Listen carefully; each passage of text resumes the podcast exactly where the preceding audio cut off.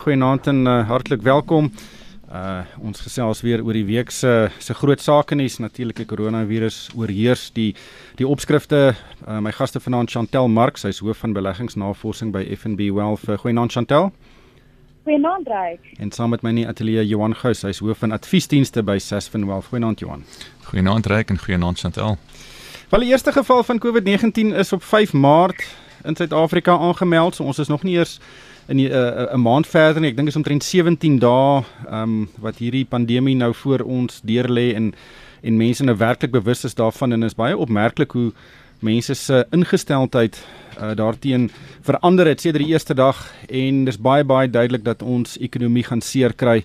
Mense kan duidelik sien dat daar is 'n afname in ekonomiese aktiwiteit veral in die vermaaklikheids uh, sektor, toerisme en dis meer uh, Chantel, baie mense is bekommerd oor die ekonomie. Ons ekonomie was baie baie pap selfs voor hierdie virus nou sy merk hier kom maak. Sommige ontleeders uh, het ek hierdie week gesien verwag selfs dat ons in die volgende paar maande 'n afname in ekonomiese aktiwiteit van tot 25% kan sien. Is daar enigsins 'n aanduiding nou al hoe seer ons ekonomie kan kry? Kyk, Ryk, ons het nog niks in spesifieke syfers nie, maar die impak gaan enorm wees. En ek dink soos wat jy genoem het, vermaaklikheid, gasvryheid, toerisme, al hierdie industrieë maak net 'n groot deel van ons ekonomiese um mandjie op. En as mens kyk na aktiwiteit, is dit nie net hulle wat gaan seer kry nie. Ek dink selfs aan kleinhandelaars wat meer diskresionêre produkte verkoop, mense spandeer nie geld as hulle onseker is oor die toekoms nie. En buiten die feit dat hulle nie uit huis uit gaan gaan nie, gaan hulle teen teen ook nie soveel aanlyn koop soos wat daar verwag word nie. So definitief 'n drastiese afname, maar op hierdie stadium kan ons nie in syfers sê presies hoeveel nie. Ja. Johan Wel, reg van die syfers wat die mense nou al genoem het van die ekonome is dat ons nou dalk waar die regering nog gedink het ons gaan 'n -0.2% groei vir ons ekonomie hierdie jaar sien, praat ons nou heel moontlik van 'n 1 na 2% inkrimping wat basies gaan beteken dat ons is as ons nou kyk die resessie waarna ons klaar die tweede helfte van laas jaar was, gee dit ons dan basies omtrent 18 maande van negatiewe groei. Ek dink die die een van die vrae wat ons nou sal moet kyk is om te sê uh ons weet China gaan seer kry en die verwagting is dat hulle ekonomie dalk met 1 of 2% laer sal groei die jaar. Nou wat belangrik is daar is dat China is die laaste 11 jaar al ons grootste handelsvernoot. Hulle verteenwoordig basies 18% van ons invoere en 11% van ons uitvoere. So dit is baie belangrik om gedagte te hou. Maar verder, ek dink ehm um, jy weet jy kyk na die mynbou sektor, baie arbeidsinsentiewe wat uh, intensief wat gaan swaar kry wat heel moontlik ons werkloosheid oor 30% gaan stoot. Jy kyk na die 26 Februarie begroting wat basies nou irrelevant is want baie van die aannames wat gemaak is in daai begroting is nou nie meer daar nie. Ja, jy kyk byvoorbeeld na goed wat gesê is soos SAA sou 16 miljard rand meer kry terwyl die gesondheidssektor 4 miljard rand minder sou kry. Natuurlik is dit nou nie meer 'n realistiese situasie nie en sal hierdie hele begroting hersien moet word, maar ons wag nog steeds op meneer Ramaphosa se stimuluspakket waarvan hy laas Sondag gepraat het. En voor ons oor die stimuluspakket gesels, as Chantel, ek dink Johan maak 'n baie goeie punt oor die begroting. Ons gaan natuurlik nou uh weer uh, die die syfers moet nagaan en die realiteit is dat die regering het nie geld nie. Die die begroting uh, van Februarie het dit baie duidelik gewys en dat daar's baie baie min beweegruimte vir die regering om enige onvoorsiene gebeurtenisse te finansier. En ek dink ons het tans eh, 'n uh, gebeurtenis voor ons deur wat uh, die meeste geld gaan verg wat seker enige gebeurtenis in in dekades in Suid-Afrika gaan meebring en ons het net eenvoudig nie die geld nie. En ons fiskale posisie gaan oor die volgende jaar dramaties verswak. In in so 'n mate ek sien sommige mense het hierdie week voorspel dat ons 'n tekort uh, op die begroting kan hê van meer as uh, 10% van die BBP hoe, hoe, hoe dink jy moet ons dit nou benader? Kyk ons het daar in die die rand die rampfonds um, wat binne in die begroting ingewerk word. Dis 'n 2% van 2020 2021 se begroting dis 39 miljard rand So dit is iets. En dan hulle ook gaan doen is hulle gaan van die fondse wat hulle versekerde ehm um, dele van die ekonomie vrygestel het gaan hulle dalk moet ehm um, ander na dat dat dat dit gaan vir die gesondheidsdiens. En dan ook dat dit gaan om die ekonomie weer aan die gang te kry. So dit gaan baie geld kos en daai daai meer as 10% sal ek nie verbaas wees as dit dan 'n realiteit word nie. Ryk, jy weet ja, ek dink ek het ook al syfer gesien van 10% van jou begrotingstekort as 'n persentasie van jou BBP en ons verwag dit gaan 6.8% wees volgens die begroting. Dit beteken ook dat ons totale skuld as 'n persentasie van ons BBP, ons regeringsskuld Daai 70% waarvan gepraat is in 2022-2023 gaan heel moontlik baie vinniger na 80% toe beweeg as wat ons sou wil hê en dan raak die koste van jou skuld baie belangrik en daarom sien ons nou dat volgende Vrydag uh, gaan ons moet sien wat Moody's gaan sê oor ons kredietgradering. Ek dink die die meeste skok is basies nou al uit die stelsel uit en die, die Moody's aankondiging gaan nie regtig veel beteken nie, maar dit gaan tog beteken dat mense gaan verstaan dat ons rentekoerse wel dalk hoër moet wees om te kompenseer vir ons risiko en dit beteken ons fiskus gaan nog verder onder druk kom. Hoekom sê jy die rentekoerse moet hoër wees? Ons het dan juis hierdie week 'n wesenlike daling in die rentekoers gesien. Nee, ek bedoel dat jou die die die, die, die rente wat jy betaal op jou skuld aan byvoorbeeld iemand wat uit die buiteland uh, vir jou geld leen om jou uh, meer kompeterend te hou met van die ander opkomende markte. Maar die feit is, ons effekte pryse word al klaar basies as rommelstatus op hierdie stadium geprys. Ja, ek sien die R186 uh, 10 jaar staatseffek staan amper op uh, 11%. Dit is uh, wesentlik hoër as wat dit 'n uh, paar weke gelede was. Dit was 8.5 gewees 2 weke gelede of so. Hmm. Chantel, die rentekoers 1 persentasiepunt laer, 'n wesenlike sny Eh, dink jy dit gaan 'n groot verskil maak? Kyk, ek dink dit gaan 'n bietjie van 'n verskil maak, maar op die einde van die dag spaar spaar uh, iemand wat 500 000 rand geleen het op 'n huislening min of meer 470 rand. So dit dit gaan nie 'n wesentlike verskil maak nie. Ek dink dit gaan 'n bietjie verligting gee, maar dit gaan definitief nie weer die ekonomie aan die gang kry nie die Reservebank gaan meer moet doen en ek weet nie hoeveel meer hulle kan doen in terme van rentekoerse nie want ons moet nog steeds aantreklik lyk van 'n rentekoersperspektief af relatief tot die res van die wêreld. So hulle gaan op ander slim maniere moet dink om om hierdie situasie te red. My insiens is dat die die Reservebank eintlik nie veel van hulle kant af kan doen nie, maar dat dit regtig van die staat en van ehm um, van van 'n staatsperspektief af gaan afhang. Wat wat gaan hulle doen? Wat is die wat is die die planne wat hulle gaan beraam om hierdie situasie te red, wat is die verligting wat hulle gaan gee vir die verbruiker en vir klein besighede, want dit is regtig wat die reële ekonomie aanraak. Ryk, weet, ek dink meneer gaan Jago sou nie graag rentekoerse met soveel wou sny nie, maar die kans is baie goed dat hy heel moontlik nog 'n half persent of 'n persent sal moet afkom in die baie nabye toekoms. Hierdie is, is hierdie is krisistye en ons het nie 'n fiskale ruimte om te beweeg nie. So wat het ons?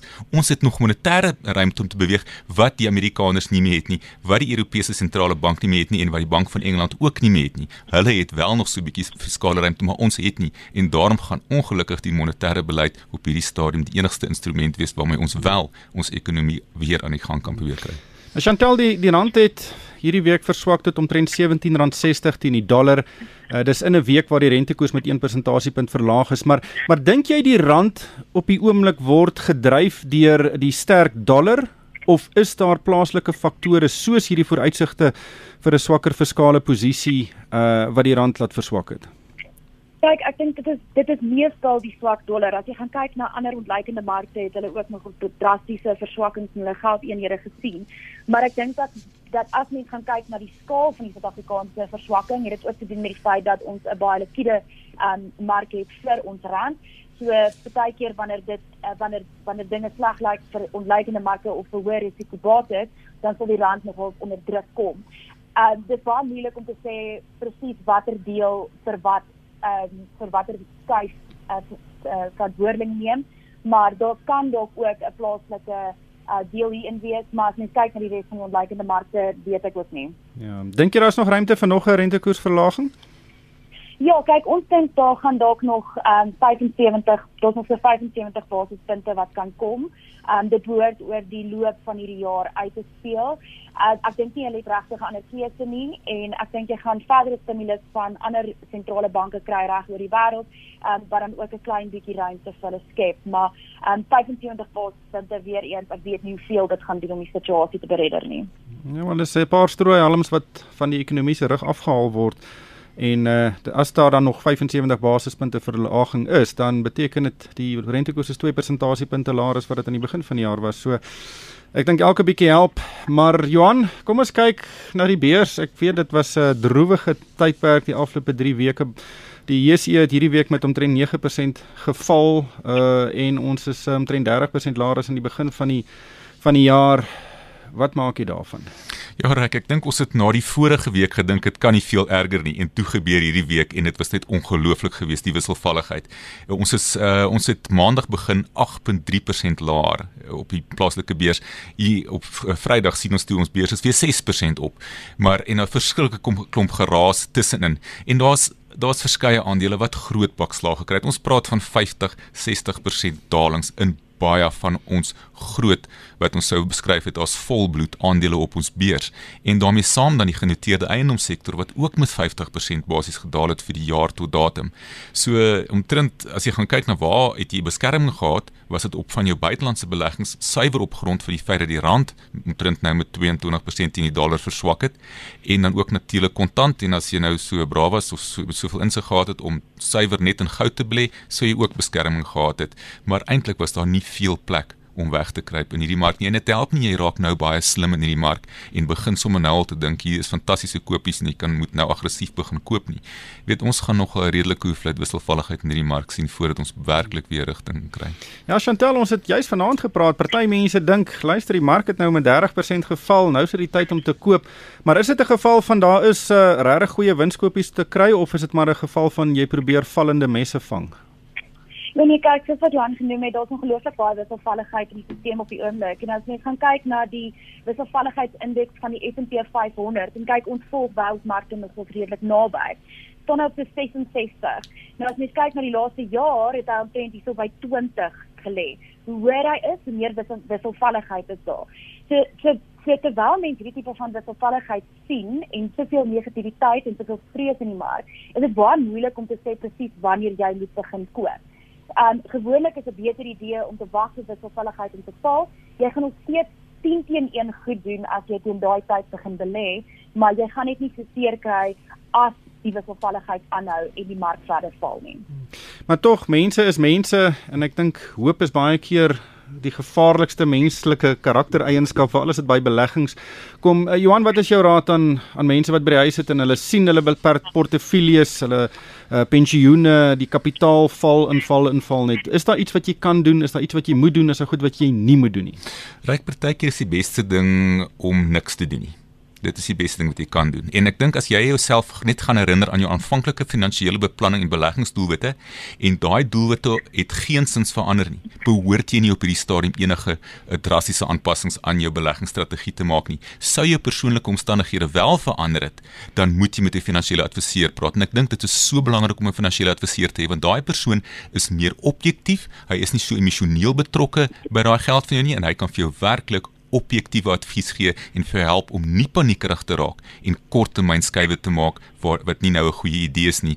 En ek dink 'n mens moet baie versigtig versigtig wees vir goedkoop advies wat jy sommer net oor die internet kry of oor sosiale media. Daai mense verstaan nie jou uh, unieke spesifieke omstandighede nie. So wees bereid om 'n voetjie te betaal wat jou oor die langtermyn baie meer geld gaan spaar. Uh, Chantel ek kry nou 'n WhatsApp van een van my vriende wat sê uh verwys na Warren Buffett se groot uh, beleggingsfilosofie en sy reël nommer 1 is moenie geld verloor nie. Maar tog verloor ons op die oomblik geld. Uh hoe kry jy hoe bring jy daai kloutjie by die oor?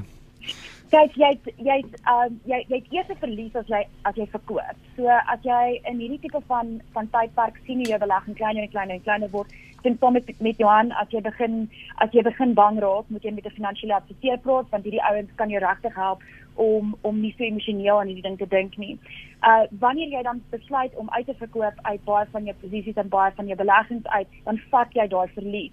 Die realiteit van die mark is hy's baie wisselvallig en hierdie tipe periodes van stres gebeur, maar die mark het nog nooit afgebly nie. So dalk gaan dit vir 9 na 18 maande laer wees as wat dit was 'n jaar terug. Dit vat 'n rukkie om weer terug te kom op daai op daai beginpunt, maar op die einde van die dag is is dit hoe die mark werk. En om nou al jou geld te verkoop, vat jy daai verlies. Ehm um, deur om jou geld te belê te hou, vat jy nog nie daai verlies nie dit dit is so 'n belangrike punt reik en ek dink wat mense moet verstaan. Jy het nog steeds dieselfde hoeveelheid aandele, jy het nog steeds dieselfde hoeveelheid eenhede in jou effekte trust. Al wat nou gebeur het, die pryse van daai aandele en effekte trust het net gedaal jy moet 'n kans gee vir dit om te herstel. En sou jy iemand wees wat op hierdie stadium maandelikse bydraes maak tot jou spare. Onthou jy koop nou baie van hierdie eenhede en aandele teen baie goedkoper pryse wat jou gaan help oor tyd om vinniger te herstel en ook beter kapitaalgroei te hê. Hmm. Chantel, uh die maatskappy wat op die oomblik op almal se lippe is op die beurs is Sasol. Sasol het 'n uh, het 'n hele paar winde van voor die aandelepryse het regtig omtrent in een gestort amper op dieselfde traject as Steinhoff en uh in hierdie week het hulle aangekondig dat daar dalk 'n regte uitge 'n regte uitgifte kan kom, 'n groot ene wat baie verwatering kan meebring. Wat is jou gedagtes oor Sasol? Kyk, op die einde van die dag is Sasol nie regtig 'n bestuurprobleem nie. Dit is nie noodwendig presies dieselfde ding as wat met Steinhoff gebeur nie. So alhoewel daar swak bestuursbesluite geneem is in rukkie terug, is hulle nou onder nuwe bestuur. Die probleem wat hulle het is dat hulle skuldlas redelik hoog is en dat die oliepryse redelik laag is en en en hulle hulle ehm um, hulle hulle die geld wat hulle maak hang ongelooflik baie af van die oliepryse. Dis lank die oliepryse laag laag bly maak hulle nie so baie geld as wat hulle moet maak om hulle skuld gemaklik te kan delf nie. Dit beteken nie dat hulle in 'n totaal en alle krisis is nie. So hulle het 'n plan uiteengesit wat eerstens ehm um, gaan kyk na wat jy intern kan doen om koste te bespaar en meer effektief hulle hulle besigheid te bedryf. Tweedens om 'n paar bates te verkoop wat hulle sien as nie noodwendig belangrik van 'n langtermynperspektief af in terme van hulle huidige strategie nie. En derdens as dit nodig is, sal hulle moet ehm um, kapitaal ehm um, kapitaal kry by gewone aandeelhouers en dit sal veroorsaak ehm um, dat dat dat 'n mens ehm um, daai tipe van ehm uh, vermindering van waarde kry. Dit is 'n laaste uitweg vir hulle en ek dink dat mense moet as 'n vaste aandeelhouer ook net kalm bly tydens hierdie tyd. Ja, die regte uitgifte kan en ek beklemtoon kan 2 miljard dollar beloop wat groter is as hulle totale markwaarde op die oomblik en dit beteken hulle gaan basies hulle uh, uitgereikte aandele moet verdubbel. Ja, Ryk, weet jy, ek wil net vir jou daar sê, ek ek dink hierdie hele storie van die oliepryse so gedaal het, is nou maar net basies kersie op die koek. Jy weet, die Lake Charles projek het hierdie aandeel onsaglike skade aangedoen en toe ook daai uh, vertroue wat verloor is in bestuur en nou sit jy met 'n nuwe bestuurspan wat nog eers jy vertroue moet wen. So uh, op hierdie stadium met hulle op 'n wye front het hulle 'n paar uitdagings om aan te spreek as 'n maatskappy.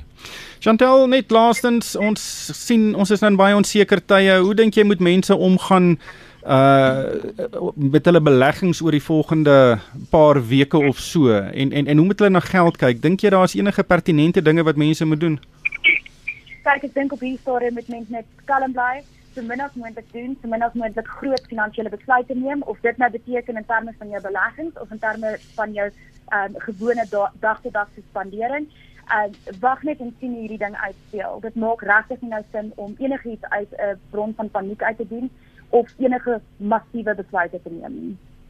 Ja, reg, ons sien dit ook vir ons kliënte. Jy weet, kyk eerstens fisies na jou eie fisiese gesondheid. Dit is die belangrikste op hierdie op hierdie stadium kyk ook uit asseblief vir mense wat kansse vat want daar's baie mense wat in die kuberruim probeer om kansse te vat om jou inligting in die hande te probeer kry want mense is emosioneel en hulle soek hulp oral so ek dink besop net vir daai tipe van scenario ook. Ja, ek dink bly gesond en moenie nou dinge doen wat jou meer in skuld dompel nie. Wees konservatief en, en met wie jy ge, uh, omgaan en met wie jy uh, um, en wat met jou beursie aangaan, wees net baie konservatief. Ja, want jou gesondheid is seker die grootste bate wat jy het en dit is die bate wat jou gaan help om verdere inkomste te kan genereer in die toekoms in. Ja.